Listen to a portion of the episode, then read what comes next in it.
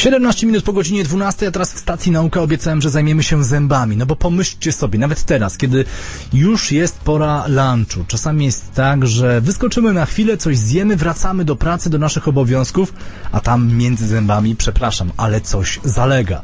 No i raczej nie wypada sobie dłubać w zębach, ani używać jakichś wykałaczek, no bo to takie i niehigieniczne, i też y, może niekomfortowe, jeżeli jesteśmy choćby w pracy. I co z tym zrobić? Może przeczekać do wieczora, kiedy wrócimy spokojnie do domu. O tym dzisiaj, czyli o zalegającym jedzeniu w przestrzeni międzyzębowej, mówi dr Roman Borczyk z Kliniki Implantologii i Stomatologii w Katowicach. Oprócz próchnicy, która dotyczy tkanek twardych, mamy również e, dziąsła, które podlegają stanowi zapalnemu i tego typu zalegający fragment pokarmu, który nie jest bezpośrednio próchnicotwórczy, może wpowodować stan zapalny dziąseł, przez co obrzęk dziąseł, jeżeli pojawia się obrzęk, pojawia się głębsza kieszonka dziąsłowa, w której bardzo łatwo mogą znaleźć miejsce bakterie i często jest dolegliwościami bólowymi.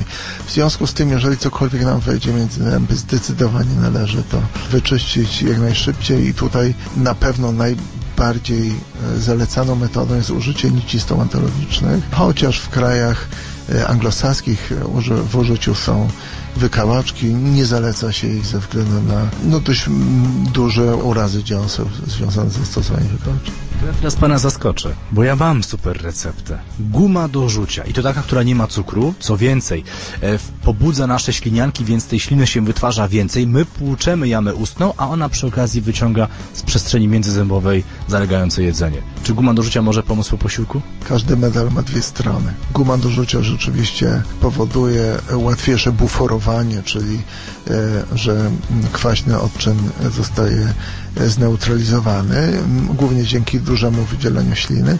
Natomiast guma do rzucia wzmacnia mięśnie żwacze i 2000 razy dziennie przełykamy ślinę, 2000 razy dziennie górne i dolne zęby kontaktują się ze sobą.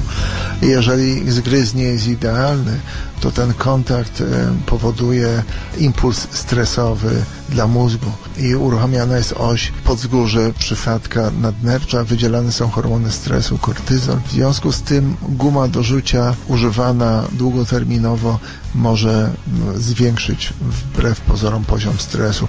Także na pewno trzeba to wyważyć. Czyli z umiarem, a płukanie zębów jak najczęściej. Zdecydowanie tak. Płukanie zębów zmniejsza ilość bakterii o 80%, nawet jeżeli jest to zwykła woda. Radził dr Roman Borczyk z Kliniki Implantologii i Stomatologii w Katowicach, także pamiętajcie, jak coś zalega, od razu wypłukać, wyrzucić i będzie zdrowiej.